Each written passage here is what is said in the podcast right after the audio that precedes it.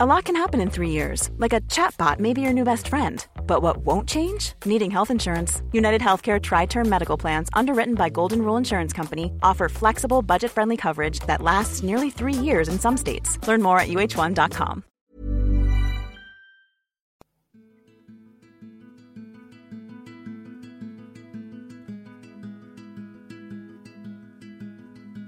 Hej välkomna till podden Sorgsnack med Lea och Jenny. Den här podden berör allt som har med sorg och förluster att göra. När livet inte blev som vi hade tänkt, när något oväntat händer och hela ens liv vänds upp och ner över en dag, när någon vi håller kär är med om en olycka, när vi själva drabbas av olycka eller sjukdom, när vi är med om det värsta en människa kan vara med om, döden. Och som i vårt fall, när vi tvingas ta farväl av ett av våra barn och såklart många andra förluster som vi människor går igenom under en hel livstid. Vad är sorg och sorgbearbetning egentligen? Vi kommer gästas av kända och okända personer som kommer dela med sig av sina berättelser och som möter sörjande i sin profession. Vi kommer att diskutera hur vi människor reagerar och agerar vid olika förluster och kriser och hur samhället bemöter människor i sorg. Vi vill med den här podden göra så att fler människor ska våga öppna sig och våga prata mer om sorg och de känslor man bär på. Vi hoppas att detta ska hjälpa andra personer i liknande situationer och vi hoppas att du vill hänga med oss genom vår resa.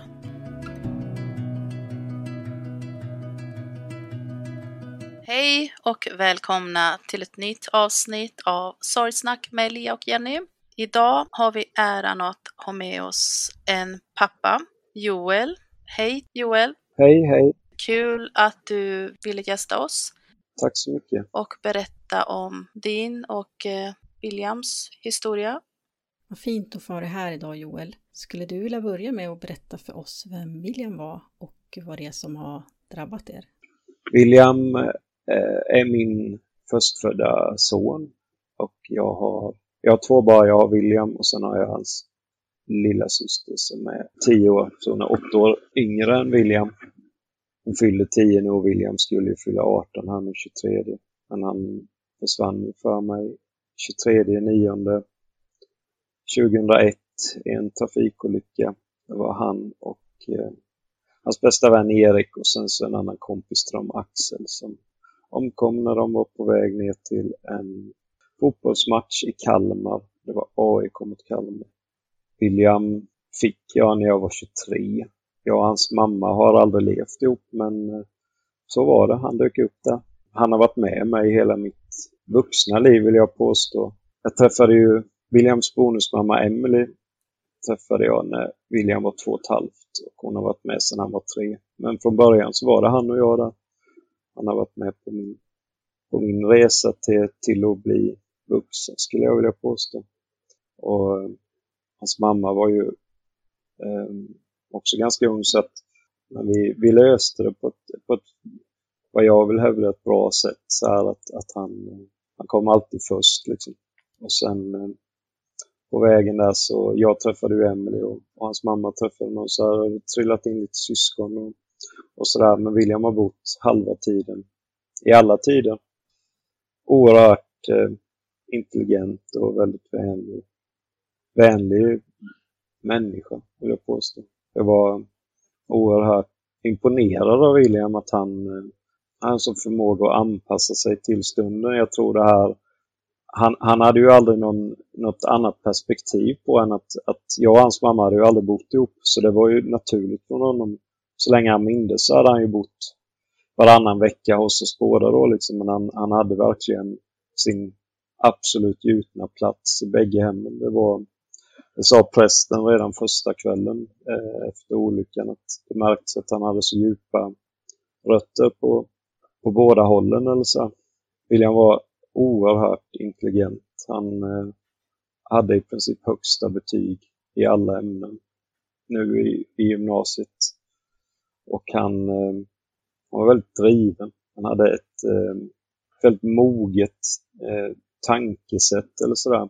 Han visste redan nu att han, att han skulle bli jurist. Hans stora intresse var fotboll och hockey. Han spelade fotboll, gjorde han fram till han var 15 kanske. Eh, hockey spelade han några år. Men eh, han tyckte väldigt mycket om att titta på, på sina lag då. Det var HV i hockey och sen var det AIK i fotboll. Och jag förstod aldrig var det kom ifrån för att jag själv har aldrig jag har aldrig varit, hållit på med sport utan jag eh, fick hänga på där lite på de här fotbollsträningarna och stå där som en lite så awkward pappa då liksom. Jag har hållit på lite med styrketräning och sånt där så det där passade ju inte mig jättebra. Så träffade alla de andra papporna och mammorna som var superduktiga och jag kunde inte jag kunde inte bidra med mycket mer än att köra dit, men det gjorde jag gärna. Och så. Vi hade en väldigt fin relation, jag och William. Och jag ärvde hans eh, fotboll och hockeyintresse, så jag tog upp de här lagen som han tyckte om. Så det brukar ju vara tvärtom, men här blev det att, att, att eh, jag fick liksom ta del av hans bitar istället. Och William har varit väldigt central i, i, båda, i både min familj, men jag vet också i hans mammas familj att han, han, eh, han, är, han är första barnbarnet till, till de här på båda hållen och sen är han först i den här kusinskaran och han har alltid haft en, en sån här ledande roll. Liksom. Eh, väldigt omtyckt. Han var mycket både med, med min mamma och pappa och med sin mammas mamma och pappa när han var liten med oerhört, oerhört älskad. Och det är upplevelsen jag har när hans vänner talar om honom också. Att, att eh, de har ju klart upplevt en annan William men, men eh, grundtesen är samma nästan oavsett vem jag träffar. Jag har träffat hans vänner mycket mer nu än vad jag gjorde. Han var ju ändå en, jag skulle fylla 17 och de sista året så levde de ju de, han var verkligen mycket med sina kompisar och, och, och hade det livet. Så jag vet inte om jag gör honom rättvis med den här beskrivningen, men jag, jag hoppas det, det framkommer att, att eh, ja, det är min bild av, av honom. Liksom och så här. Och det, skulle gå, det skulle gå att prata om honom i, i två dagar utan att få med allt det som, som jag upplever som väldigt positivt eh, och den han var. Eller så. Mm. Har du mycket kontakt med Williams vänner idag? Ja, det har jag eh, faktiskt. Jag, eh, när olyckan skedde så efter nu så har jag haft jättemycket kontakt med, med eh, Williams kompisar. Inte alla, men, men fyra, fem stycken i alla fall. Som en, en, framförallt eh, två av dem umgås jag med varje vecka och vi dricker kaffe. Och jag har faktiskt varit iväg på, på båda hans lag, jag och hans, hans kompisar, både på HV och på AIK jag tycker det känns fint på något sätt. Det gjorde fruktansvärt ont i början och det gör ont nu med, men jag får också väldigt mycket av dem. Jag får liksom deras bild av William, och jag har lärt känna den William eh, som de kände. Och som sagt, det stämmer överens mycket med den bilden som jag upplevt William. Men det är klart det är på ett annat sätt med vänner och med, med oss familj eller så. Mm. För jag har också känt, jag har ju också haft ganska mycket kontakt med Felix kompisar så och att, att det känns ju på något vis som att han, han lever vidare liksom i deras minne på något vis. Ja, det, det, det är det jag känner också. Att, att, plus att jag får deras minne. Alltså jag har ju fått, och nu har jag till och med börjat få de här, de här fotona som kanske inte jag, de hade jag nog aldrig sett. Om, om William hade varit kvar där så hade, alltså, då, då då hade kanske aldrig någon visat mig de här bilderna. För jag och Emelie blev väldigt förvånade. Men visst, det hade varit lite fest någon gång och lite sådana grejer. Och så. Men eh, så upplever jag det också. att jag, Han lever vidare och vi tycker om att umgås med dem och jag eh, tycker inte att jag gör det istället för utan vi gör det på grund av, har vi sagt. Liksom att jag kan ju inte, jag kan inte på något sätt ersätta William för dem och de kan inte ersätta William för mig. Men nu får vi inte ha kvar William och då kan vi finnas för varandra så gott vi, vi kan. Och jag upplever att de faktiskt tycker att de får, ja, jag tror att de tycker det, det känns också som en fortsättning på något sätt. Jag tror att det betyder oerhört mycket för dem också faktiskt, tror jag. Jag hoppas det. Ehm, det är klart, det är, det är ju som det här en del säger. Vad, vad, ibland kan man ju få den här, vad tror du William hade velat att du skulle göra? Och då är det så här att brukar, William var ju 16 skulle fylla 17 och William hade inga barn.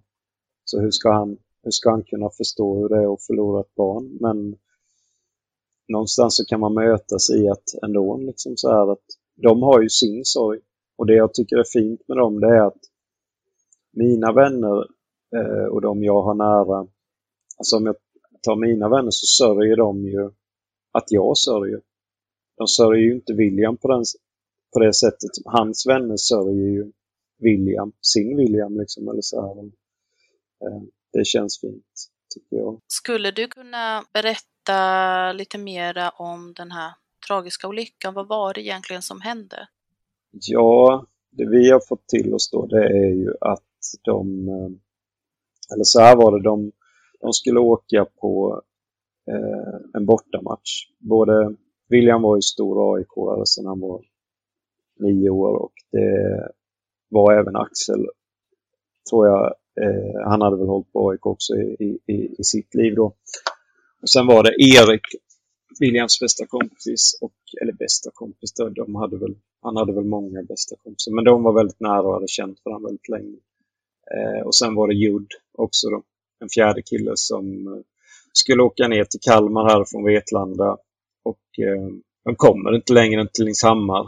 Eh, så eh, kör de i och eh, ja, de krockar helt enkelt. Eller han, han tappar kontrollen över bilen.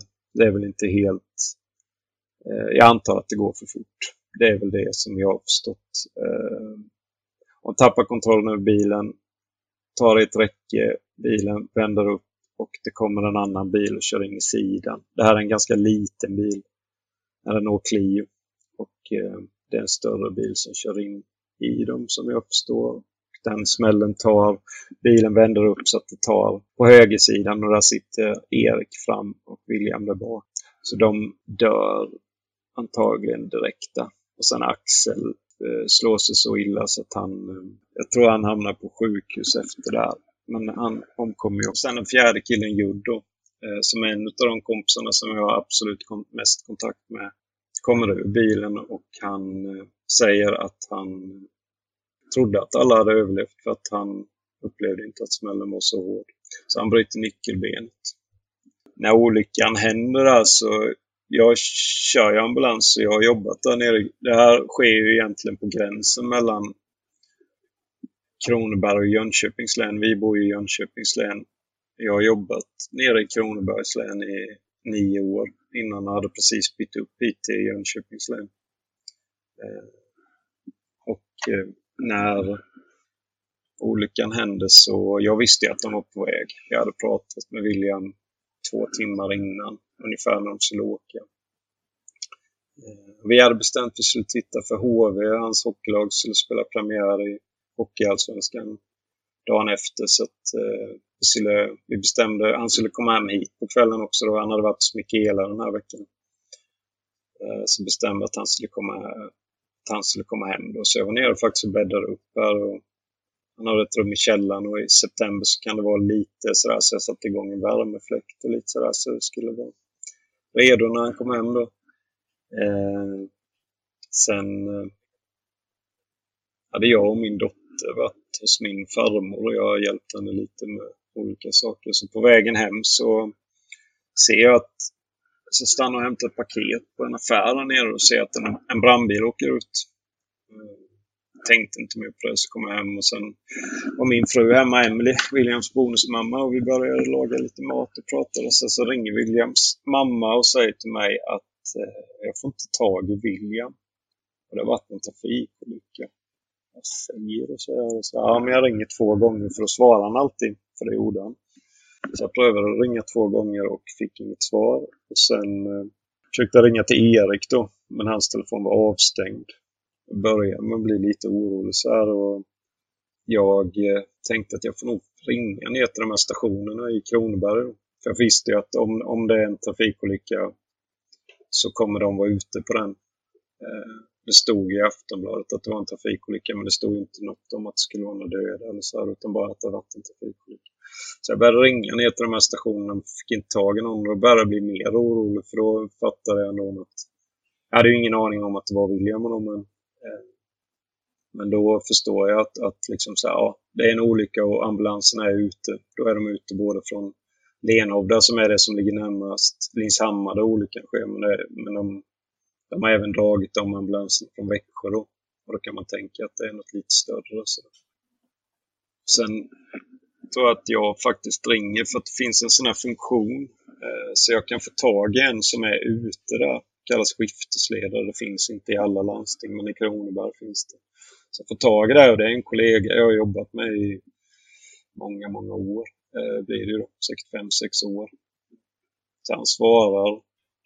Men det är ju inget nummer någon allmänhet har eller så, utan det har jag för att jag har jobbat där. Så han, han svarar i alla fall och jag hälsar på honom, säger tjena.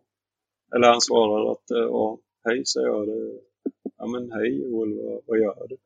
Nej, jag gör inte så mycket. Vad gör du? Jag har precis varit ute på en dödssmäll, sa han. Jaha, så ja du vet min grabb är på den vägen och ja, det blir tyst i telefonen så här. Så frågar jag direkt alltså, hur många var de i bilen? Och då säger han tre. Och då eh, får jag ett litet hopp där, för de är ju fyra i den här bilen tror jag. Och sen, eh, jag vet inte mer, så han, nej okej, så jag lägger på. Eh, men nu börjar jag få upp liksom så här stark oroskänsla, för jag håller på, vi håller på att ringa till Williams telefon hela tiden, men det är ju ingen som svarar. Eh, hans mamma ringer upp mig där med och hon har börjat försöka ringa till sjukhus och polis för att få ut, eh, få något svar där liksom och så här, men nej, jag får inget svar där och jag och Emelie försöker på något vis här, vi måste sticka ner mot Växjö ifall vi måste kolla igenom sjukhuset eller om man kommer komma dit och är skadad. Då är det liksom, eh, så vi håller på att försöka få tag i att eh, min svärfar ska komma hit och passa, passa eh, Lovisa då. Sen få tag i någon som ska, Emelie vill inte att jag kör ner utan att någon ska köra så att får jag tag i min syster och eh, hennes ehm, eh, svägerska jobbar på ambulansen här uppe där jag jobbar med, är också kollega med nu. Då säger hon att precis innan hon gick hem så fick hon höra att det hade varit en olycka och att det är två döda då. Så då vet jag att det är två stycken omkomna i den här trafikolyckan. Jag vet ju inte säkert att det är de ändå. Uh, och där fortsätter Williams mamma ringer och, och liksom så här, ja, det är ingen som svarar och ingen vill säga något polis eller så. Nej, nej, men jag är på väg ner. Så, här, och så då ringer jag ytterligare en gång ner till den här skiftesledaren. Och han svarar igen då. Uh, jag har pratat med honom i efterhand och, och, och, han sa att uh, hade han sett att det var mitt nummer så hade han nog inte svarat för då har han nog förstått att det är så här. Då svarar han och så säger han så här. Jag, jag kan inte säga något till det. Och då säger jag till honom. Så nej, jag vill inte höra av dig ändå. Men, men han säger bara de är på väg in eller så här. Det, ambulansen är på väg in. Liksom. Förstod du då eh, att, det var, att det var han?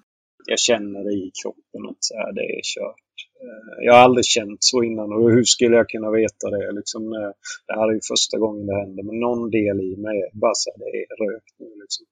Eh, jag vet, jag står och liksom stirrar ut genom fönstret och bara förbannat. Eller så här, det är kört. Och sen eh, på något sätt så börjar jag prata med Williams mamma igen och då säger hon att eh, nu kommer en polisbil här. Ja, men gå ut, säger jag då. Liksom så här, du, du får gå ut och kolla vad de vill. Och så här. Sen hör jag i, då är jag kvar i telefonen. Och så hör jag hur han säger till henne så här, är du William Steinbachs mamma? Ja, säger hon då. Och då så hör jag bara han säga så här, ja, jag beklagar. Då lägger jag på luren när jag hör det och då blir det bara nej, men lamslaget eller så här liksom. Eh, jag, jag, jag, kan känna känslan nu när jag när jag säger det, men jag kan liksom inte, jag kan inte med ord beskriva vad det är som händer mer än att det är som att det bara lägger sig. Det är någon tyngd som kommer över mig och bara, jag blir krossad liksom. Eh, sen är det lite, då har min då svärmor, eh, min svärfar och hans fru har hunnit komma hit. Av någon anledning åkte vi bort till Williams mamma där, och jag och Emelie. Eh, jag vet inte om jag tror att jag behöver prata med polisen eller något sånt där på något vis, men eh, någon kör bort med dit, men jag kommer inte ihåg vem det är. Och, och Emelie då. Och så kommer vi in och så är det, det är den här POSOM-gruppen där och sen så är två poliser. Sen har även en präst kommit och han är med i hela det här efterförloppet sen. Men där är det är väldigt suddigt och det, det, det är mest så jag vet att Emily efter ungefär 25 minuter bara sa alltså vi måste, eller jag måste hem för jag måste vara med Lovisa. Vi har ju bara åkt ifrån den. Så då åker vi hem. Och då tror jag min mamma har hunnit komma in också hit. Sen har min, en av mina närmsta vänner och, och även kollegor som jag jobbat med både i Kronoberg och, och, och här uppe i Jönköping. Vi, vi bytte samtidigt när vi kom upp, eh, nu när vi bytte arbetsplats. Så, eh, jag tror han hans fru, för hon är, med, hon är också på som jag känner henne väl med, har kommit hit också. Men jag har inte riktigt koll på det här. Så jag, det, är lite, det är väldigt diffust och dimmigt. Eller så. Men så får vi ju reda på liksom att William, William är död och liksom att olyckan har skett. Så, så, ja, det var, det var tufft. Och det är tufft att tänka på det. Såklart. Men jag tänker mycket på det så att jag, jag pratar också mycket om det så att jag, jag vet det är vad det är. Eller så Sen eh, första kvällen där vet jag inte riktigt. Jag vet bara att de, de Eh, min kollega och hans fru är här hemma eh, länge och, och mamma är här och sen så svärmor, eller nej svärfar och hans fru och sen tror jag att eh, något av mina syskon är här också men jag minns inte riktigt där och de i alla fall ordna någon tid så vi får komma ner på vårdcentralen här i, i Vetlanda då dagen efter. Så får vi komma ner där. Då är det, då är det, då är det jag och Emily och Louisa och sen är det hans mamma och hennes sambo och, och Williams två syskon på det hållet. Och även min mamma och sen hans, eh, hans mormor och hans mostrar på det hållet. Eh, tror någon av hans kusiner. Så, men jag minns inte det här riktigt. Jag, jag minns det inte så väl eller så. Så, de, så då, då får vi liksom, ja, jag vet inte vad Jag tror det hjälper sjukskrivning om sjukskrivning man får i princip då liksom. eller något sånt. Eh, som jag minns det så är det att de ordnar med lite sjukskrivning. Och de säger att man ska hålla sina rutiner, kommer jag ihåg. Eh, försöka hålla era rutiner. Sen eh, det här sker ju på torsdagen och sen på lördagen får vi åka ner till Växjö. Då. Och William ska identifieras. Så då är vi nere och då är även Eriks mamma med också. Så vi gör det samtidigt. Då får vi gå in och så ligger William eh, på den här britsen då.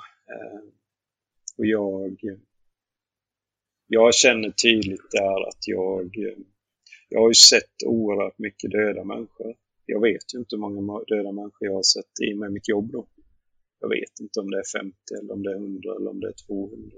För det, det emellanåt är det så. Inte så unga människor som William. Det, det minns jag alla eh, naturligtvis som jag har varit inblandad i. Men eh, jag vet ju lite vad jag har att vänta mig. Samtidigt så har jag en ganska stor rädsla för att gå in. Eh, för döden är någonting som inte är... För mig, i och med att det tillhör mitt jobb, så är det en sak som är... Eh, den kan vara, det kan vara fint ibland med döden just när det är en gammal kropp. Om man förstår att den här människan, där finns det någon frid i att, att det får vara över. Det har varit mycket smärta eller det har varit... Men ganska ofta är det så i jobbet så är det inget, det, det är liksom inte... Det här är min upplevelse och det kan ju vara andra för andra. Men, men jag har mer sett det som en, det är en del av mitt jobb men ingen del som jag, som jag har tyckt varit jättetrevlig. Liksom. Utan det är en del av mitt arbete och där ingår det de här bitarna. Jag får den här känslan i alla fall när jag kommer in där och, och liksom, jag håller William i handen. Och att det är väldigt tydligt att han är död, så som döden är att han är inte är kvar. Det är hans kropp. Han är ganska hel, så att han är, han är ändå en fin. Men han är död. Det är inte som att hålla i sitt levande barn. Eh, jag vet, jag pussar honom på pannan och säger att jag älskar honom. Sen går vi ut därefter. Emily har svårt, vet jag, att vara där inne. Vet jag, det minns jag. Det är inte det att jag tar det lätt, utan det är bara att jag kanske har en förförståelse över hur hur en död kropp Eller så. Det är oerhört tungt. Alltså det, det är en tyngd i det här som är, det är verkligen bortom vad en människa ska uh, behöva uppleva. Eller så. Det, mm. Döden är naturlig när den, när den kommer men, men ett friskt barn som man har uh, pratat med två timmar innan. Sen är det det här. Jag kan i efterhand fundera på om jag borde åkt ner direkt där på, på torsdag. Men det hade inte gjort någon skillnad för William. Är jag övertygad Jag tror inte han har någon åsikt om att jag inte åkte ner. Men jag kan väl känna lite att jag kanske borde ha... Var det att ni inte fick åka ner eller blev det bara inte så? Jag vet inte. Eh, vi fick nog åka ner. Det tror jag inte någon hade nekat. Jag, jag vet faktiskt inte varför det inte blev så. Alltså jag, jag kan säga att de här bitarna eh, jag upplever inte, det är klart nu när jag berättar om det så, så känner jag att det stockar sig i halsen och jag blir ledsen men jag upplever inte att jag får panik när jag är i det här. Utan mitt stora problem jag har med hela situationen, det är att William är död. Någon sa det att egentligen skulle polisen ha kommit hem uh, hit. Jag borde inte ha fått det uh, De borde ha åkt samtidigt till båda hushållen. Liksom, eller så. Men det är inget som jag... Jag vet inte, jag hänger inte upp mig så. Om det hade varit bättre eller om det hade varit... Det, I slutändan blir det så här... Det ändrar tyvärr inte utgångsläget. Jag tror aldrig jag hade kunnat hantera att han hur den hade varit så hade jag inte kunnat hantera att han dog. Om jag säger så. Nej, det finns ju liksom inget, inget bra sätt eller ett perfekt sätt liksom, utan det är ju bara... Nej. Det är ju lika illa hur som egentligen. Ja, han är... William är död ute på skadeplats. Och jag har läst adoptionsrapporten och eh, jag förstår att det har gått snabbt som bara den. För han har en blödning både i lill och storhjärnan och han har brutit nacken. Så att eh, om det hade hänt två minuter från sjukhus så hade man inte rätt ut det ändå. Han, han blir medvetslös. Det, nu spekulerar jag bara. Men, men jag har ju jag har pratat med liksom, dels vet jag lite själv, men jag vet också att jag har pratat med, med kollegor som är väldigt duktiga på det här med, med trauman. Så att jag tror att det är så att han dör ganska omedelbart. Han blir antagligen medvetslös av smällen och sen, sen dör han. Så Så då, då, då är det så. De har säkert arbetat lite grann där ute eller gjort allt man kan då men det, sen har de avslutat och åkt in till sjukhuset så, så är det en läkare som dödsförklarar där i sådana fall. De är ganska tidigt ute hos oss med om man säger poliserna där förstår jag ju efterskedet där den där brandbilen jag såg var ju på väg ut. Har jag ju förstått i efterhand. Alltså från jag såg brandbilen, då är jag tror klockan är alltså typ 16, 30 eh, kanske. Och sen tror jag att jag får, jag vet bara att det är mörkt ute när vi åker bort till Mikaela. Och då har jag ju fått beskedet Ja, alltså fem minuter innan. Så, så alltså, säg att där, där utspelar sig de här samtalen jag beskriver ner till de här med, med liksom, eh, ja, de, de som har varit på plats till att jag får beskedet kanske alltså två och en halv timme kanske. Eller sånt där. Kan det vara så länge? Det känns som det går väldigt mycket snabbare men alltså den åker ut och sen, ja, fem, ja, en två timmar kanske. Tror jag det. Men du beskrev ju att, att ni, vad heter det, fick komma till vårdcentralen dagen efter. Ja. Men hur har, hur har det som hjälpen sett ut efteråt? Har ni, har ni blivit uppfångade på något sätt sen eller fått gå och prata med någon? Alltså jag har träffat, hon var med där nere, den kuratorn. Jag går till henne en, jag går till henne en gång i månaden. Jag upplever nog inte att jag har, alltså hon är helt okej okay, men jag, så här, jag upplever inte, jag har efterfrågat och få, jag frågade om, om de inte hade liksom någon nivå upp de kunde remittera mig till. Eller så. Men det jag fick då var egentligen, de tyckte jag kunde, eller de hittade Sankt Lukas men då skulle jag själv på eget bevåg liksom betala det och åka till en psykolog. Eller så tio mil härifrån då. Och i det läget jag var, där, liksom, jag trodde inte jag skulle palla jobba eller någonting eller så här, alltså framåt. Jag, jag bara, jag kommer aldrig mer kunna, jag pallar inte se folk eller någonting. Jag, jag tog mig liksom inte ut. Eh, så att ja, nej, jag upplevde inte, jag har inte upplevt att det har varit jättemycket. Så. Däremot så begriper jag med så att det är så här liksom att de sa så här, försök hålla era rutiner. Så här, det har vi gjort. Liksom så. Alltså min mamma bodde här en vecka ihop med, med mig och Emily och Lovisa. Och sen jag och Emily var, följde Lovisa till skolan eh, liksom efter två dagar. Hon körde henne första dagen till skolan och sen eh, Nej, hon var hemma på fredag naturligtvis och sen måndag så gick vi visade till skolan och tisdag var det jag och Emelie som tog henne dit. Liksom. Eh, och sen flyttade mamma eh, hem igen då på, på fredagen till, till sitt. Eller liksom. så. Eh, samhällsmässigt så har jag inte upplevt att, att de har, har kommit med så mycket. Men sen tror jag det är så att det de har att erbjuda är i princip mediciner. Liksom. Eh, och jag har inte velat ha det eh, av olika anledningar. Men nej, jag, jag är ganska förvånad. Det, sen vet jag inte vad det är för hjälp jag efterfrågar egentligen heller. Alltså, det, det är väldigt svårt. Det här är, egentligen är det här, det man upplever och det man känner, det, den är ju ganska logisk.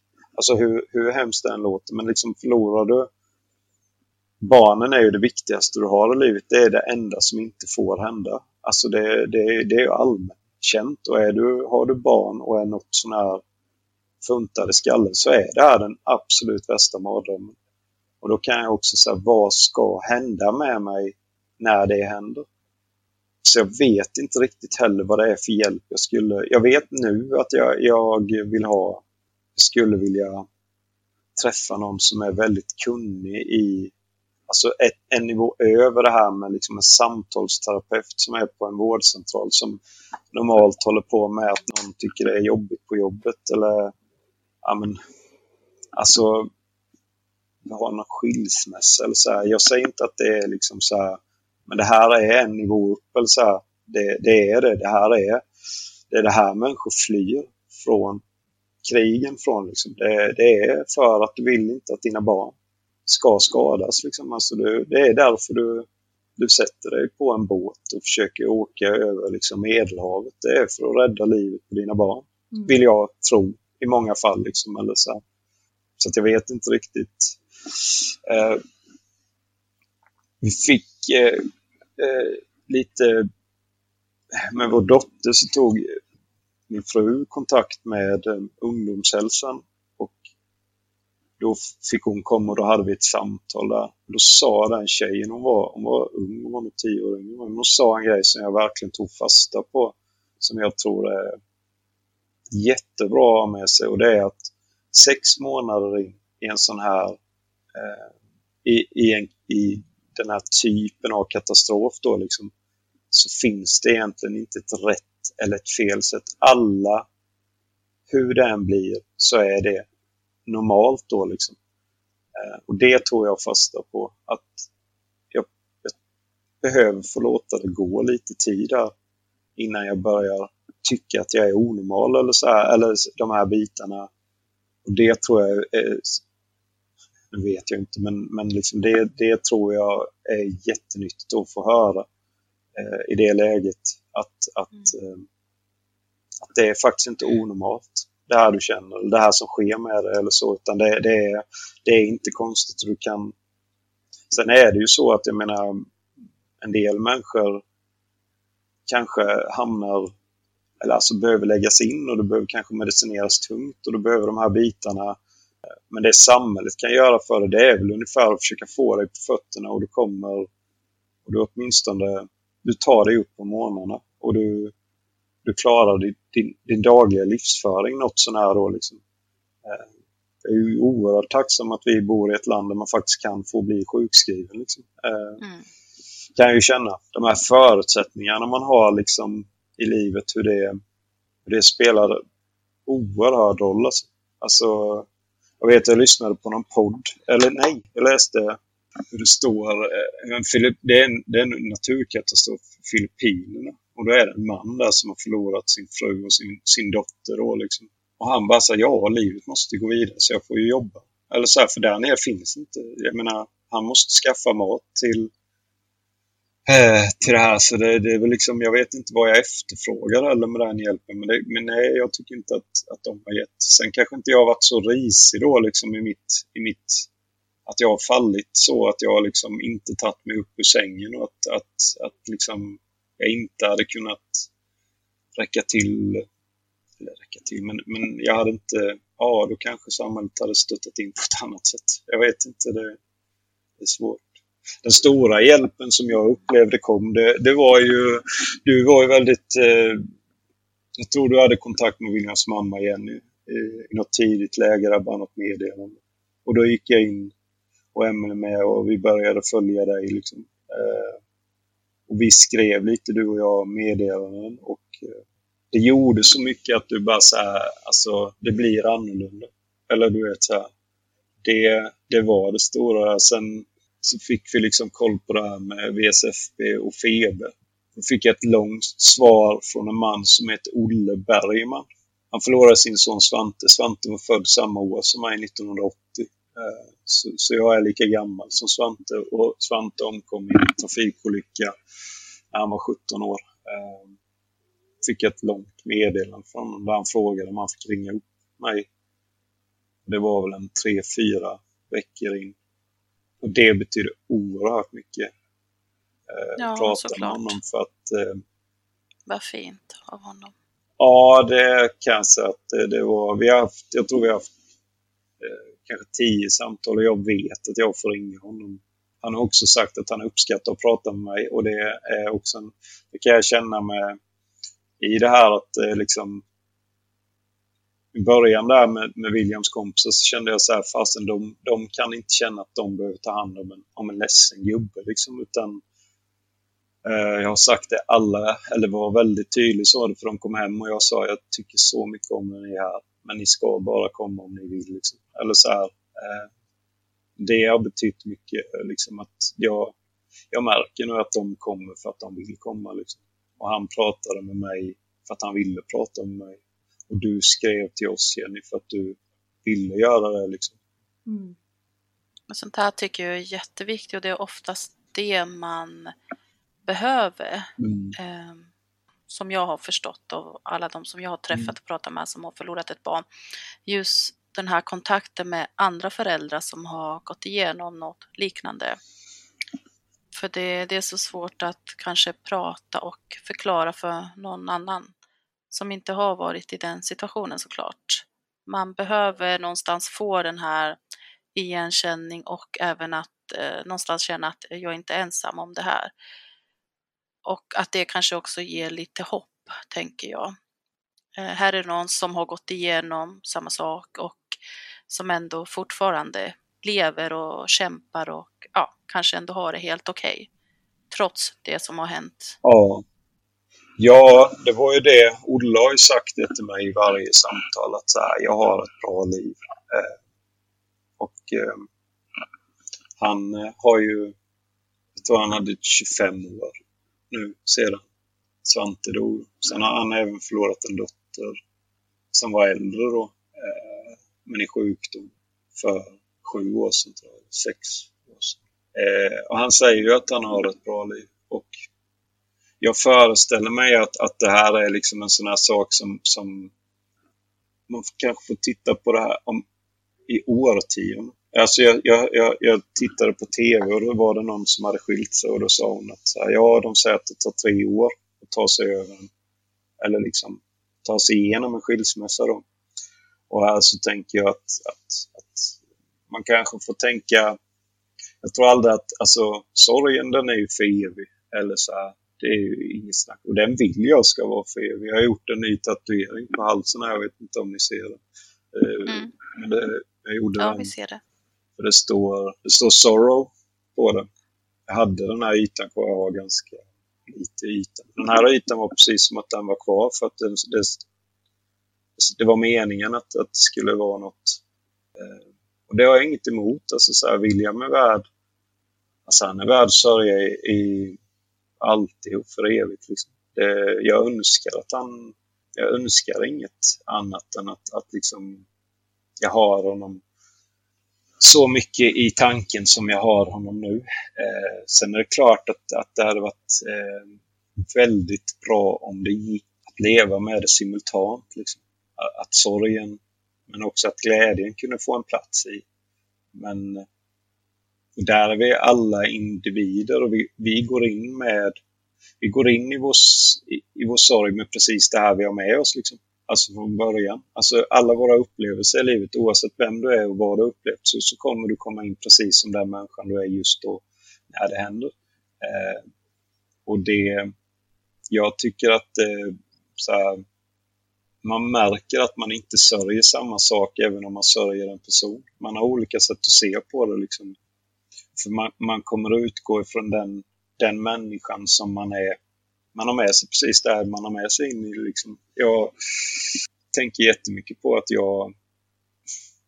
Alltså jag, jag önskar ju naturligtvis att, att här, jag, jag tror att jag har varit en, en bra pappa till William. Jag vet hur mycket jag har älskat honom. Sen kan jag tänka på alla saker som jag önskar att jag hade gjort annorlunda om, om jag hade vetat att han skulle bli 17 år. Jag vet sista helgen när han är hemma, William, så då har vi åkt där hemifrån för att de ska få huset. Liksom. Det var inte... Alltså de bara var här och hängde, men, men, men att de fick ha huset, han och hans kompisar. För jag tyckte om när de var här hemma och de ville inte vara här hemma på det sättet mm. när vi var hemma för att de ville ha sin frihet. Liksom. Eh, vi hade varit iväg och så kom vi hem på söndagen då liksom, och då sa att du, vi kan väl käka ihop ikväll så kan vi umgås lite, det blir mysigt. Jag saknat det liksom så. Här. Så käkade vi och sen kom jag ner här till hans rum och så sa han så, pappa kan inte jag åka till Erik en sväng? Jag är hemma till åtta. William, du, ska, du behöver inte sitta här och hålla mig i handen. Liksom. Vill att du, jag, vi är hela livet på oss att umgås, sa jag. Så, så det, det, är liksom, du ska göra ditt för det. Jag vill bara att du var hos Erik då. Liksom, du kommer hem sen ikväll. Vi ses ju imorgon igen. Liksom.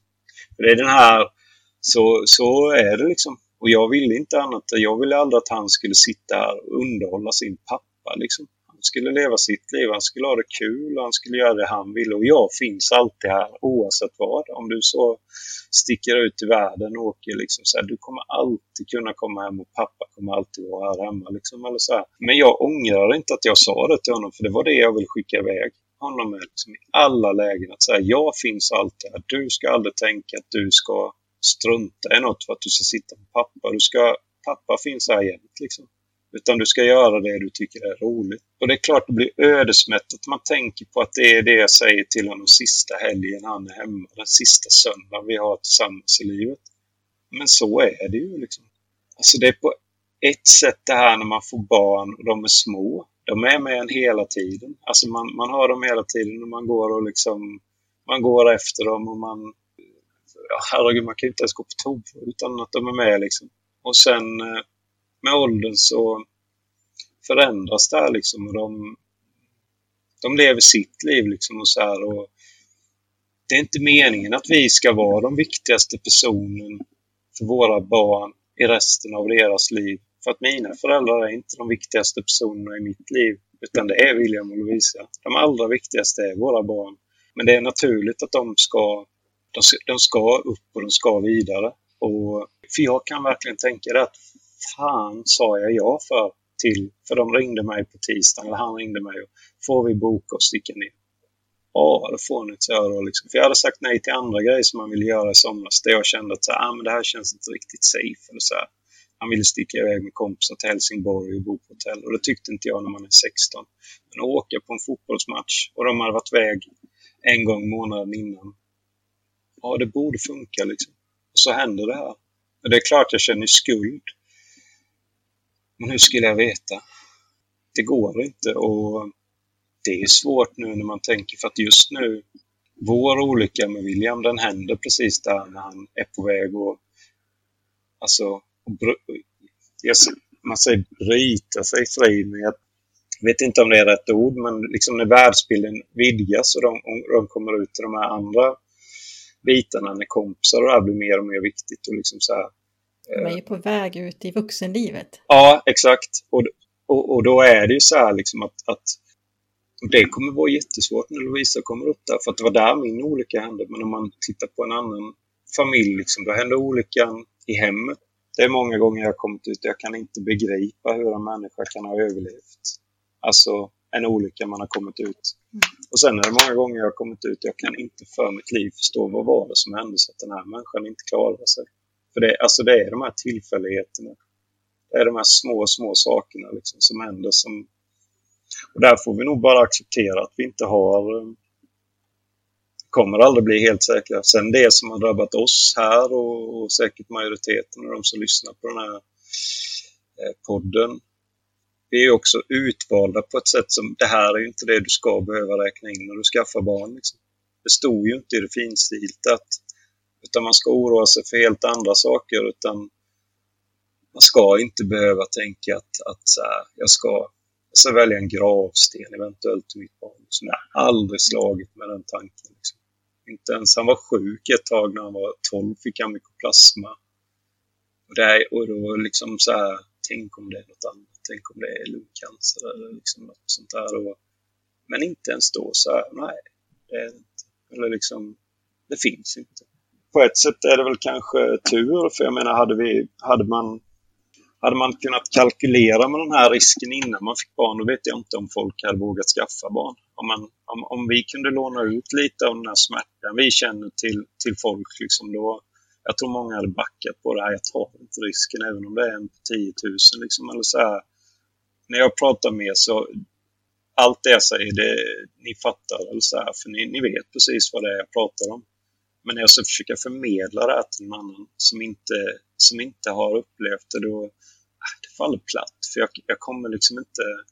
Det kvittar hur välartikulerad och hur vältalig jag är så kommer jag aldrig kunna beskriva hur livet bara slutar existera. Samtidigt som att det fortsätter. Världen har fått en helt annan färg för mig. Liksom. Jag ser honom. Han är i varje vrå. alltså det, det, är så, det är så konstigt hur, hur det här kunde liksom ske. Alltså jag, jag tror inte... Jag, jag, lyssnade på en podd med en kvinna och det var 16 år sedan hennes, hennes pojke hade gått eh, bort. Och hon sa det, jag kan fortfarande inte få liksom inte in det i hjärnan hur det kunde bli så. Den, den, den känslan är oerhört närvarande för mig. Jag kan säga så här för mig nu nästa månad i juni så är det fyra år sedan. Och bara nu så här när man börjar närma sig juni månad så börjar det liksom krypa i hela kroppen. Ja. Men det är oavsett antal år, man glömmer aldrig, det försvinner ju inte. Nej, jag pratade med Olle så, jag frågade honom hur lång tid tog det innan du, för jag upplever att han ändå känner en livsglädje liksom. Och då frågade jag honom hur, hur länge tog det innan du kände det igen? Liksom så här. Då sa han ja, tre, fyra år kanske innan det började komma då liksom. Och sen sa han att jag vill nog inte räkna då, jag vill räkna det i samtal eller så här. Jag förstår vad han menar liksom där och det, det har gett mig ett mycket större lugn att så här, jag försöker se det så att nu har jag börjat jobba så jag jobbar så mycket som jag gjorde innan olyckan. Det funkar. Det gör det inte värre att jobba. Det gör det inte direkt bättre, men det gör det inte mycket värre. Det är klart jag känner av, som i natt, att jag inte fick sova någonting. Det, det, jag blir tröttare, jag blir mer känslosam. Men det känner jag igen även sedan tidigare när jag har jobbat, att så är det. Liksom. Men då har jag åtminstone min försörjning klar och jag upplever att jag räcker till hyfsat för min dotter och min fru. Och då är det inte bråttom med någonting annat, utan då kan jag få känna så här så länge det behövs.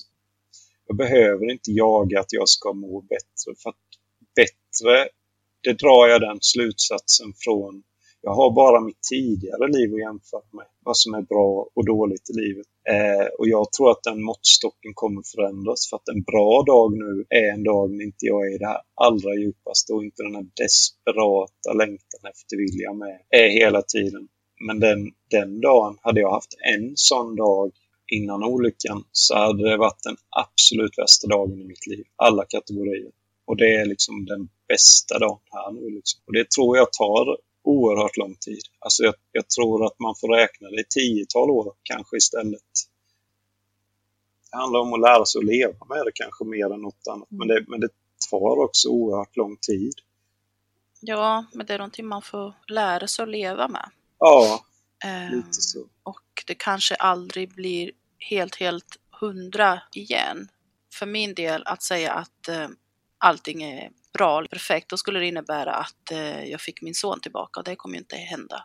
Utan Nej. det blir ju liksom, man får sträva efter någonting annat, att det ändå ska kännas, okej, livet blev inte som jag hade tänkt mig, men det blev okej ändå. Ja, Och eh, ja, lite som vi var inne på förut, att eh, allt, alla de här känslorna och alla tankar som man har är ändå normala och naturliga i den, i den här onaturliga situationen man faktiskt befinner sig i. För det är ju inte naturligt att man ska behöva förlora ett barn, begrava ett barn. Det hör ju inte till det normala så att säga. nej det gör inte det. Det händer alltid någon annan. Men den här gången så var liksom rubriken i tidningen så gällde det, då gällde det oss. Det gällde William. Det var absurt att se det. Alltså det är helt, det är helt galet. Det är nog det det handlar om, precis som du säger. Att, att bra i den utsträckningen att det blir bra jämfört med det, med det livet som man hade. Det får man kanske, det kanske man får eh, förstå att så, så på det viset kommer inte mitt liv att bli bra igen. Sen eh, är livet det föränderligt hela tiden. Alltså lite som det här att, att liksom, när vi får, när vi har små barn, så den tiden, en tid som för evigt är borta också, den tiden kommer inte tillbaka. Min dotter, jag kommer aldrig mer ha blöjbarn. Eh, för att min dotter är 10 år och William var eh, han var 17 liksom, så det är en tid som ligger långt bakom mig ändå. Liksom, eller så här, och, och det är bara att för oss förändra livet i den här, på den här sekunden. Att det gick från en sak till en helt annan och det, det är klart att det är jättesvårt att ta in. Och sen tror jag väl att livet på vägen kommer förändras, fortsätta förändras. Eh, för det är hela tiden föränderligt. Och ehm, jag vet inte riktigt. Så. Jag brukar säga det när jag pratar med någon så att så, om det drabbar dig så har jag inget hopp att ge. Liksom. Sen kan jag vända på det att när jag pratar med de som är drabbade så har vi ju massa saker att ge varandra. Men det är ju för att vi förstår det här första. Men det livet som är när det händer så det försvinner sen. Liksom. Man får leva med en helt annan, ett helt annat perspektiv på livet. Liksom. Mm. En annan verklighet. Ja, alltså jag skulle verkligen en, en, en, en fullständigt förändrad världsbild. Liksom. Det är ju absurt. Jag går, jag liksom går till Williams grav. William och Erik ligger begravda bredvid varandra. Eh, så jag går dit och de ligger bara, de ligger bara 300 meter därifrån. Eh, så jag går varje, varje dag det är som en film. Och den här begravningsplatsen är...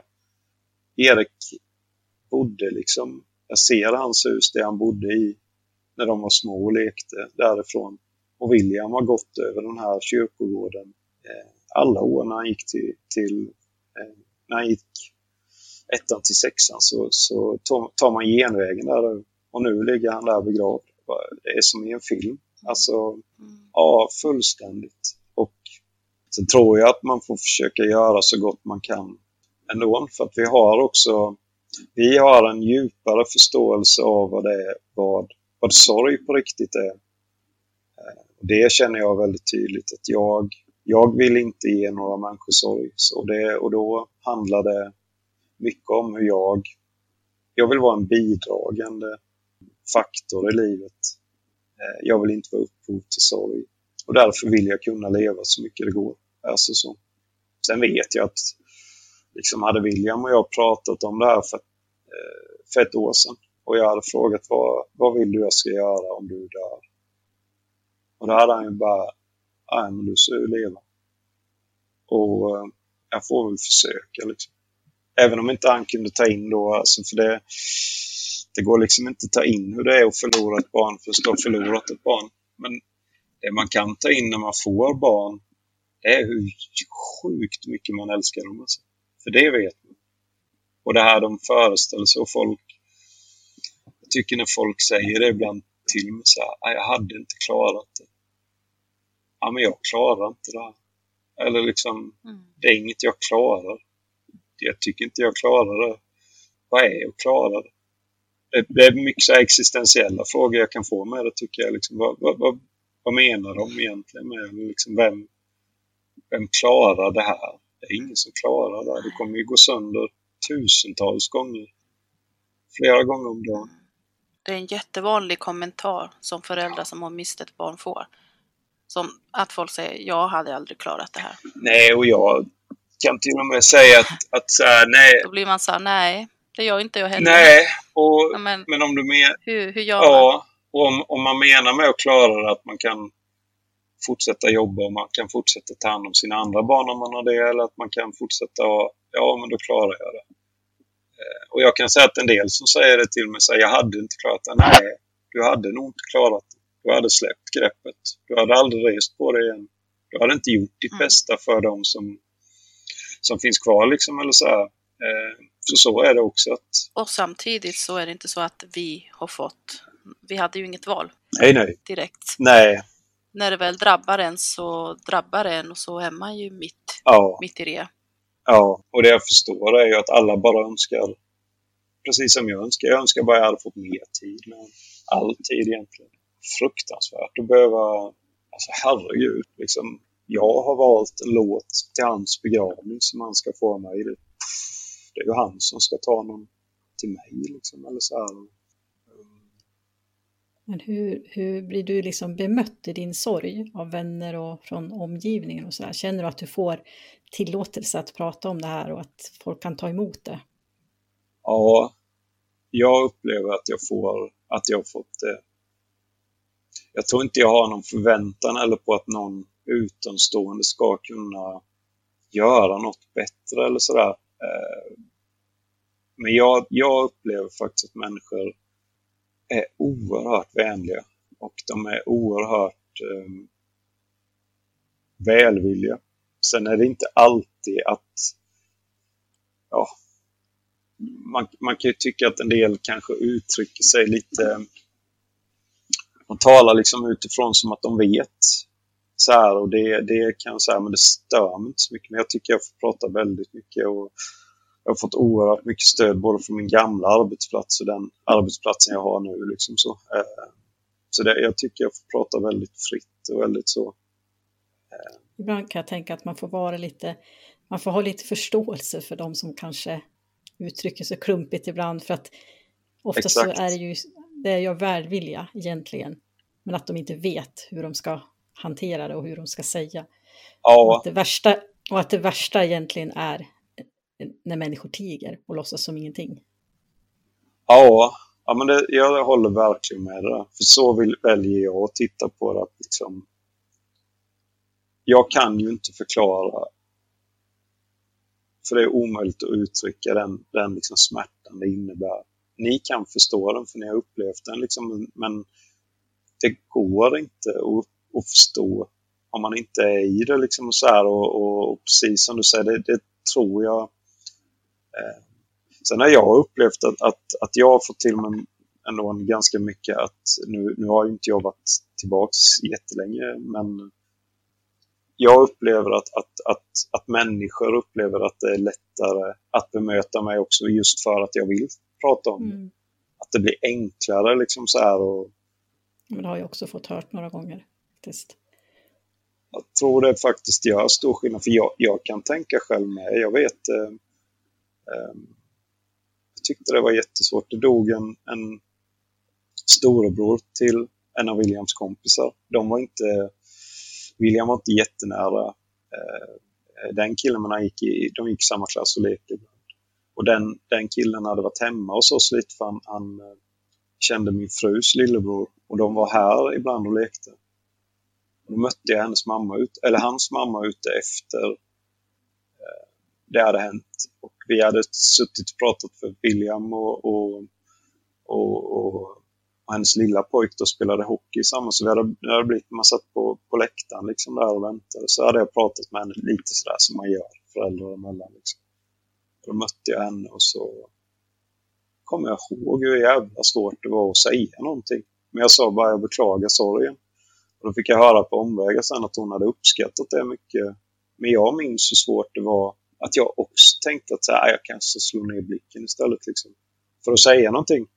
Eh, och det var inte så här, jag fattar att folk tycker det är pissvårt. Och, och hur de ska bemöta mig och jag vill inte klampa in i något. Och de är ju rädda för att de ska påminna om att jag bara så och jag, jag kan svära att jag inte har glömt. Precis. En enda sekund. Sen den 23 9 att William är död. Det, alltså det är inte så att jag har vaknat och bara och någon har påmint mig om att han är död. Liksom. Han har inte lämnat min tanke en enda gång. Sen, han är alltid i mitt huvud. Liksom, så att, eh, och det, har ju, det frågar ju folk med liksom lite så här nu och jag kan ju inte riktigt det är inte så att det står som spön i backen med, med, med dödsolyckor. Eh, så här, utan det kan, gå, det kan gå många år emellan att man hamnar på en eller så kan det komma två stycken på ett pass. Liksom. Så är det. Eh, de frågar mig hur kommer du liksom, hur kommer det? Ja, jag kan inte svara på det. Liksom. Jag vet inte. Jag tror däremot inte att jag kommer tycka att det blir värre för att jag har sett min son död. Eh, vad ska bli värre än det? Liksom? Det Det skulle ju vara om jag fick komma ut. Nej, det gör inte det. Och det jag kan också säga Det värsta har ju redan hänt, som jag brukar säga. Mm. Ja, men det är ju det. Och eh, jag vet att när jag hade, eh, jag hade ett, ett larm bara tre veckor innan med, med en ung pojke och vi höll på och det gick inte och så här. Och sen när jag kom till station så hade jag fått ett sms av William och det var inte jättevanligt sådär. Eh, men i alla fall så, och det stod är du vaken och då, då ja, så skrev jag, så ringde jag upp honom och så pratade, det hände en del när han var sjuk där när han var 12 och hade han plasma för då kunde han inte sova på nätterna. Och hade vi mycket kontakt med honom. För jag fick ju jobba till sist för han var över 12 och, och så här. Men, men liksom då jobbade jag lite nätter eh, emellanåt och, och då prickade han in där. För det, det är som sagt det, det är ovanligt att man är ute på barn eller så här. Och det har väl hänt någon gång tidigare i karriären. Men den här var så här så att jag och då lyckas han ringa då och då vet jag att när jag pratar med honom så säger jag bara till honom att säga, tack gode gud att inte det var du gubben. Och han är lite så här som, ja ja, eller som en tonåring liksom så här. Ehm, och det är också en sån här sak som jag i efterhand kan säga, ja, vad lustigt. Eller liksom, är det här livet, för de här, jag tycker jag har fått mycket sån här existentiellt och liksom, är det här, finns det något mer än det här? Liksom? Finns han kvar? Kommer vi ses? Helt plötsligt spelar det här roll för mig nu liksom. Eh, innan så har man inte behövt fundera på de här sakerna för livet är ganska bra. Jag har någon farfar och någon morfar som har dött. Liksom, så här, jag har inte förlorat så mycket nära människor. Eh, så det är en helt ny upplevelse. Jag tänker att det får ta sin tid också. Liksom. Jag, jag, William kommer... Kärleken till han kommer aldrig försvinna och det kommer göra att sorgen för alltid är kvar. Men däremot så kanske jag kan lära mig leva med den på ett annat sätt. Och det är ju så oavsett hur jag... Jag tycker det gör minst lika ont nu och jag är precis lika ledsen som jag var den dagen när det hände.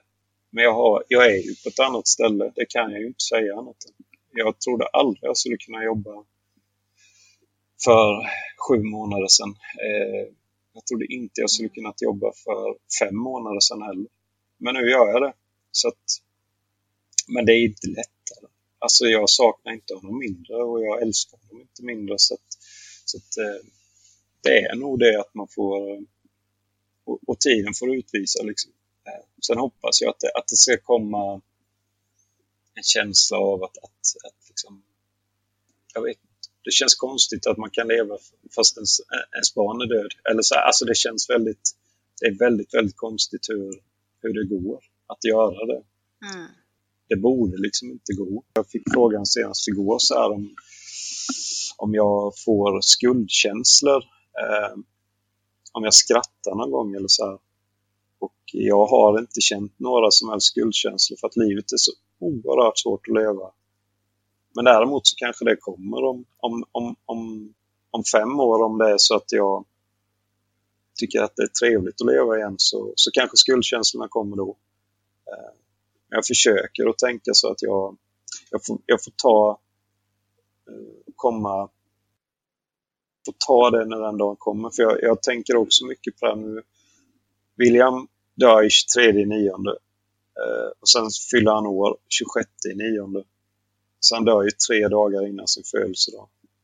Eh, så hans förra födelsedag, då hade hans kompisar ordnat kyrkan öppnade upp. Det var ju liksom vi hade ju ingen aning om vad vi skulle ta med så då hade de gjort jättefint med musik och massa blommor och en bild på honom nere i kyrkan som vi fick komma ner till.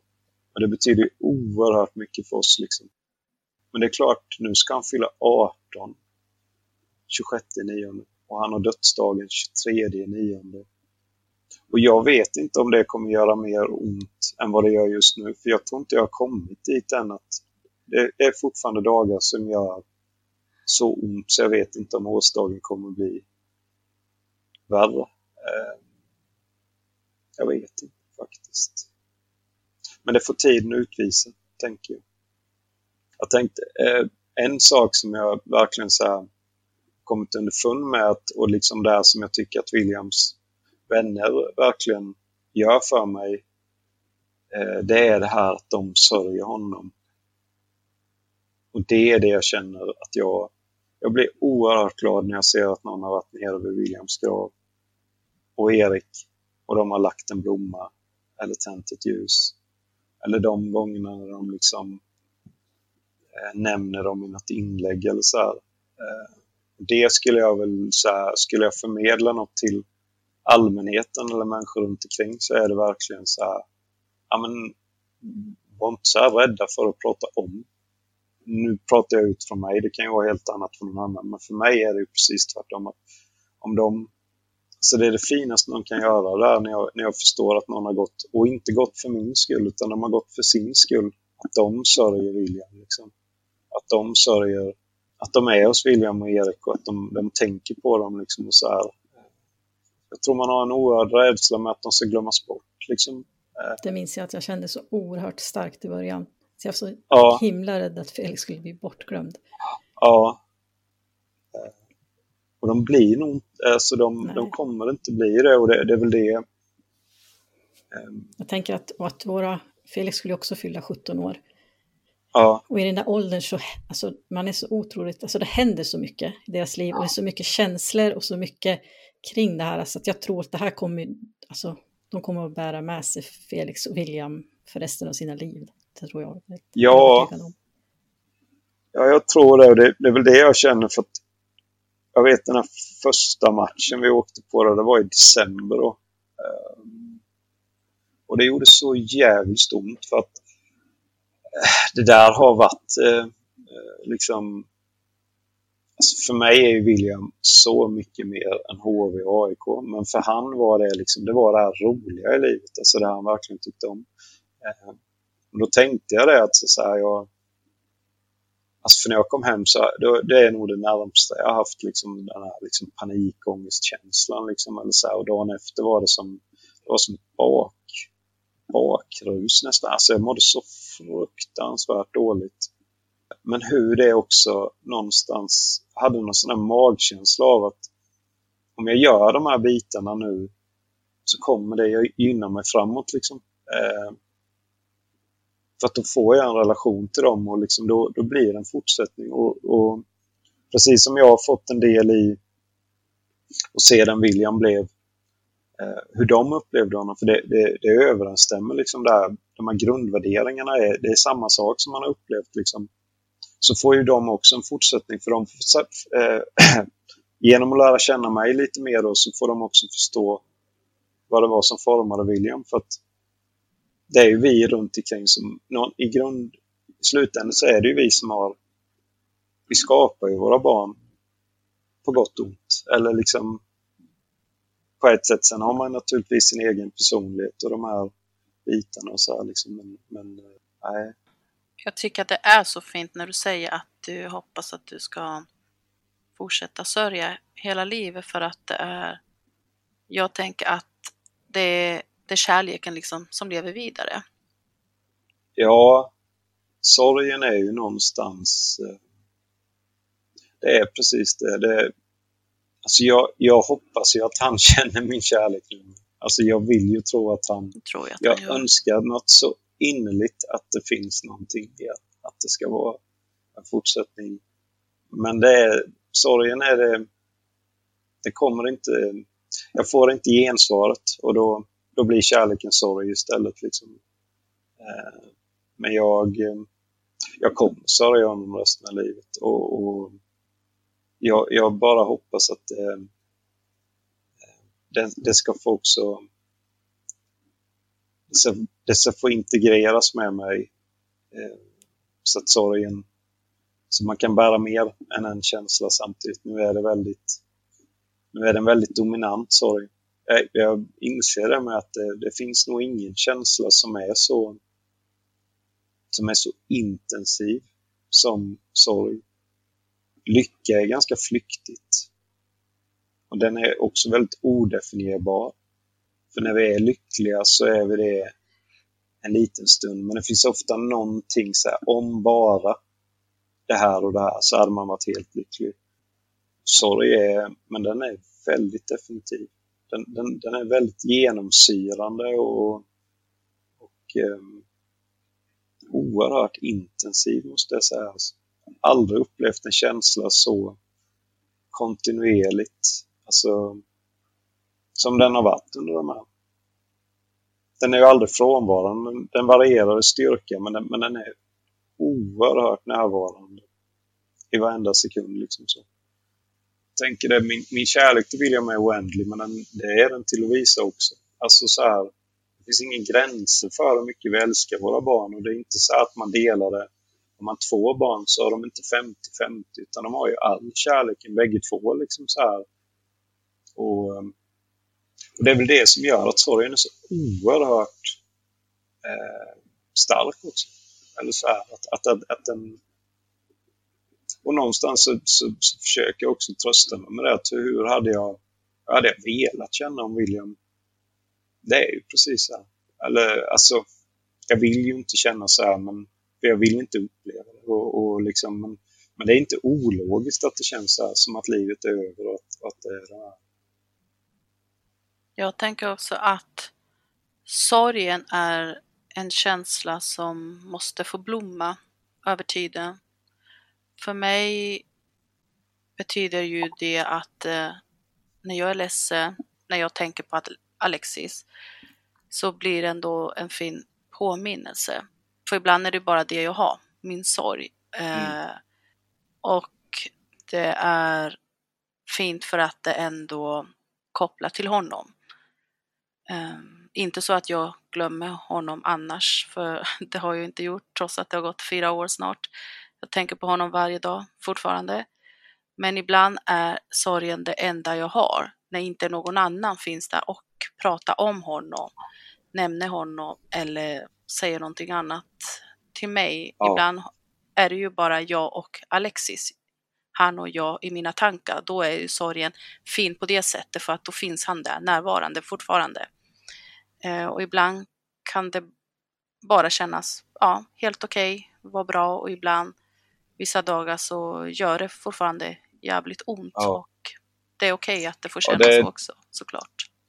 Det kanske är nyckeln liksom. Det här att, att jag tror man ja, jag, jag tror som du säger att, att jag försöker att bara ha känslor. Jag försöker inte ta bort dem så mycket för att eh, det är som du säger med att här, det är ju det. Man tänker ju på dem. Och, och sorgen är, det är det att vi inte får vara med dem. Och jag får inte eh, krama William. Eller, och, ehm, jag är glad att jag... Eh, för, för det, det där det, det, kan jag också ibland känna att folk är så här, eller jag har fått det väldigt mycket. Dels är det så här, om, dels har jag fått höra mycket det att du är stark och, och det vet fan om jag känner mig inte så jävla stark, kan jag inte påstå. Och sen också att ja, men du kommer klara det för du har så lätt att prata om det. Ehm, jag har liksom inget annat sätt att göra det på. Jag, jag, inte, jag vet inte, för det, det, blir lite så här att ja, men den som inte pratar om det, ja men den kanske klarar det, men det är deras sätt liksom. Eller så här, vi, vi hittar ju alla våra vi hittar ju våra vägar och sen, sen är jag funderar mycket på det. Vad är att klara livet då? Även om inte dina barn dör, vad är, vad är liksom... När har du klarat livet? Är det... Och de här tankarna blir nog mycket mer närvarande för oss som har förlorat. Att liksom så här, livet får en, det blir en, en, en större frågeställning existentiellt. Liksom, vad är egentligen... För att så här är det ju med att vi kommer ju alla dö ändå. Oavsett om vi tycker det är roligt att leva eller om vi tycker det är bedrövligt så dör vi ändå. Det kvittar om du tycker det. Om jag tar som William då så upplevde jag hans livsglädje oerhört stark. Alltid. Eh, han hade inte mycket bekymmer med att leva, upplevde inte jag. Nu, nu är det ju jag som eh, säger det och hade man pratat med William så kanske han hade sagt något annat. Liksom så här. Men jag upplevde verkligen att han, han gjorde det här som var mindre kul ganska enkelt. Och sen så såg han till att försöka ha roligt. Det, jag tog alla chanser. Jag, han var liksom... Alla semester som vi var på var han naturligtvis med på. Sen så alla semester hans mamma var, var han också naturligtvis med på. Hans mamma och deras familj då. Eh, men sen åkte han också med sin mormor och morfar och, och verkligen så här kunde plocka eh, liksom det bästa av alla världar. Och det kanske, det var väl en sak han fick av att ha de här stora familjerna då med så många runt omkring som älskade honom så djupt. Eller så här liksom, eh, jag kunde verkligen imponeras av William med det avseendet. Det kändes som att han hade, han hade den här förmågan liksom att ta de här sakerna i livet som är roligt eller så här. Och, och det kanske är det. Och det, det, blir ju väldigt svårt när man tittar på oss då att så här, fastän det är inte lätt att gå runt och uppskatta livet. Jag, jag tycker de här um, jag använder Instagram och då, då, kommer det ju liksom beroende på vad man följer så, så men nu har jag börjat få oerhört mycket av de här citaten, liksom de här livscoacherna och det. Eh, och det är liksom så här, varje dag är en gåva och man bara, ja, det, det, kan ju du tycka liksom. Men det är inte lika jävla lätt när du har den sorgen som vi har. Eh, för då är inte alla dagar en gåva. Det är många dagar som gör oerhört ont liksom jag kan fundera på ibland hur det blir, blir liksom en känsla där att, att de, de ja, alltså vi har en djupare kunskap om hur, hur ett lidande i livet verkligen kan vara. Liksom, eller så eh, jag kan tycka det kan bli väldigt avundsjuk på, på, på, på de som inte behöver gå igenom det här. Liksom. Eh. Mm. Jag vet att jag, att jag många gånger, till och med jag tror att jag skrev någon gång på Facebook också, att jag, att jag bara önska att jag kunde få ha liksom ett världsligt problem som, som gick att lösa. Exakt. Jag tänkte, ja. Nej men verkligen. Ja men och, också, nej och, och just det att så här, varje dag är en gåva. Ja men då har du inte testat att vakna upp med den här känslan. Liksom. Och jag kan ju även se det på mig själv att liksom säga ja nej men jag hade en helt annan jag hade en helt annan inställning till det. Liksom. Och, och det jobbet som jag har med gör att man så här... Eh, du har inga riktiga problem. Ja. Så brukade jag tänka. Det är en sån, är en sån ja. naturlig del av, av liksom, död och sjukdom är ju det jag sysslar med. Liksom.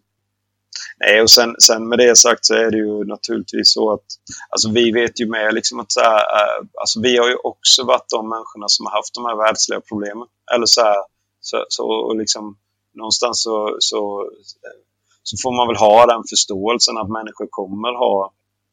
Mm. Eh, jag unnar dem inte det här heller. Liksom. Alltså så här att alla människor ska gå igenom det här. Jag visste att jag var sjukt lycklig för jag var jävligt nöjd med, med, med mina barn. Jag var väldigt lycklig med min fru. Jag var väldigt nöjd över livet. Tyckte det var väldigt roligt. Eller liksom, jag tyckte det var väldigt bra att leva. Eh, men nog hade jag också världsliga problem som jag gick runt och och tyckte då liksom för dålig lön eller eh, dittan och dattan och det. Och bara det här så är allt perfekt. Liksom. Och det är det jag menar lite att eh, retroaktivt är det lätt att se att man har en tid i livet när man har varit väldigt lycklig.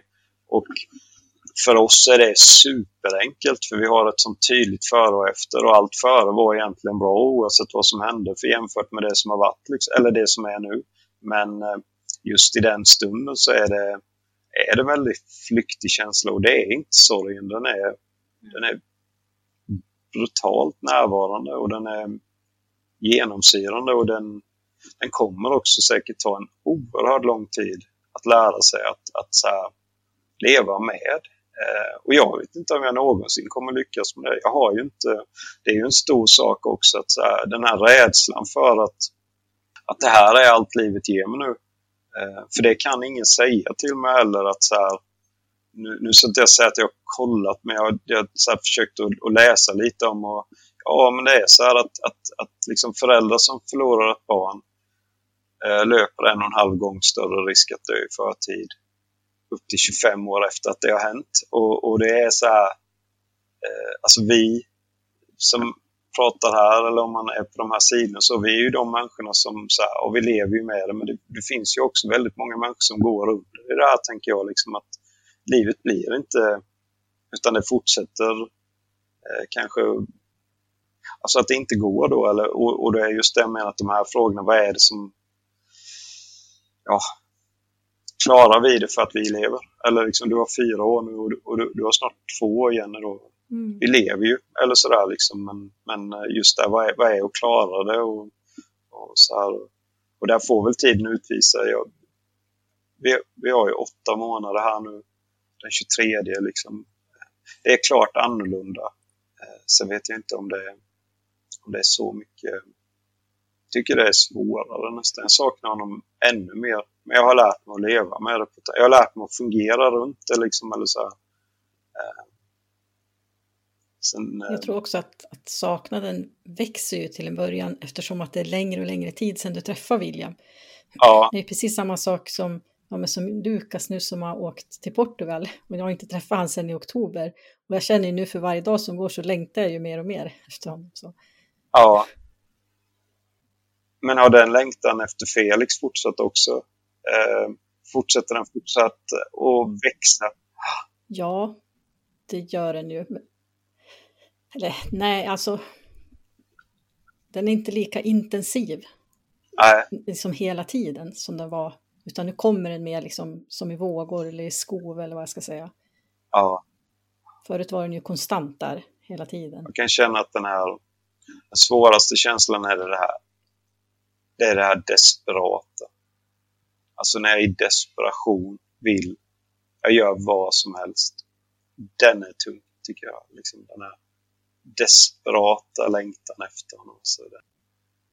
Men alltså åtta månader mm. är ju inte lång tid. Nej. Jag. Samtidigt så, med det sagt, så gillar inte jag att jämföra. Nej. Jag tycker inte heller man ska göra så, såklart. Men det, det är ju, ja, det går ju upp och ner hela tiden. Eh, mm. För mig också, ja. även som sagt efter snart fyra år. Mm. Ja. Nej, men det, det, är nog så.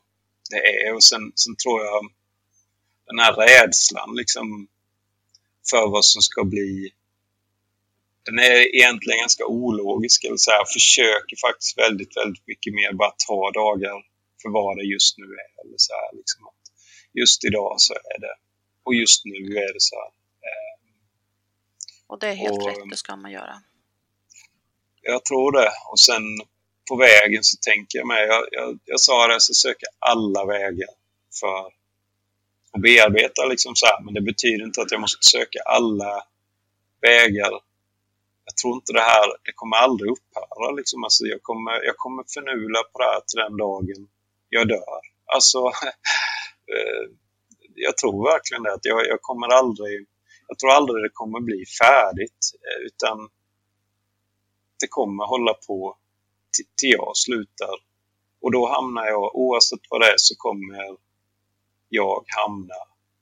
Det, det kommer ske samma sak med mig som det skedde med William. Och sen får vi se vad det är. Och, och jag kan känna en nyfikenhet inför det. En väldigt stor nyfikenhet. Men jag, men jag tror att vi, vi har nog någon uppgift här på jorden. Det känns också så här, jag vet när jag var uppe, det var ju väldigt kort innan, men så hamnade jag på ett sånt här febermöte. Det var en tillfällighet som gjorde och så, så satt jag med den kvinnan, hon var så otroligt vänlig mot mig och så sa jag att ja, hade jag inte haft visare, då hade jag skitit i det nu liksom. Och sen så kom vi in och så satt vi på mötet och då förstod jag att hon hade ju inte några fler barn. Eh, så, att, så Eh, jag bara tänker det för, för, för, för föräldrar som liksom... Så det är nog meningen att vi ska försöka leva hela våra liv. Alltså, så här, alltså förstår ni hur jag menar? Att liksom, oavsett vad som händer så kanske det är det som är själva saken. Att vi ska försöka att leva ända till vi dör. Eh, sen måste man inte... Så här, det, det, är kanon om man tycker att det är gott att leva. Liksom. Men, men, men vi kommer dö oavsett. Och liksom, oavsett vad vi tycker så tar det slut ändå. Vi lever inte för evigt. Och, och sorgen efter William tänker jag, oavsett vad som händer efter döden så är den så länge jag lever. Men den är inte för evigt hoppas jag. Eller liksom, förstår ni vad jag menar? Mm. Eh, eh och, och där får ju vara en liksom så här... Nej, för en dag kommer ni träffas igen. Ja, antingen att vi träffas igen eller så är det ingenting mer. Men då är det inte mer sorg heller. Eh, eller så här, och det, eh, det tröstar jag mig med ibland. Eh, när det känns eh, tungt att, att det är inte för evigt liksom. Eh, men jag hoppas ju naturligtvis att det är någonting mer. Och jag, jag tycker jag får små meddelanden av honom ibland. Lite sådär. Sen kanske det är min fantasi och sådär men nej, jag väljer att tro att, att det är han som jag mm. försöker hjälpa mig lite på vägen och sådär. Och, eh, ja men det tror jag. Ja, jag hoppas det. Jag tror att det börjar bli dags att eh, vi avrundar nu. Även om vi tycker det är jättetrevligt och spännande att få höra dig berätta, såklart. Men stort tack till dig Joel för att du har varit här. Det har varit jättefint att få samtala med dig och eh, fantastiskt fint att få lära känna William lite mer. Så att från djupet av vårt hjärta, tack så jättemycket. Och tack för allt klokt som du har sagt under den här tiden. Ja, verkligen. Tack för din tid och för att du ville gästa vår podd. Tackar så mycket för att jag fick vara med och eh, fortsätt göra det ni gör. Det här är nyttigt att, att vi får dela med oss av. Tack! Tack! Stort tack även till er som har lyssnat på oss idag. Om ni skulle vilja komma i kontakt med oss så hittar ni oss på både Instagram och Facebook. Annars så går det bra att mejla till sorgsnackpodcast gmail.com. Ha en fin dag! Tack så mycket! Hej då!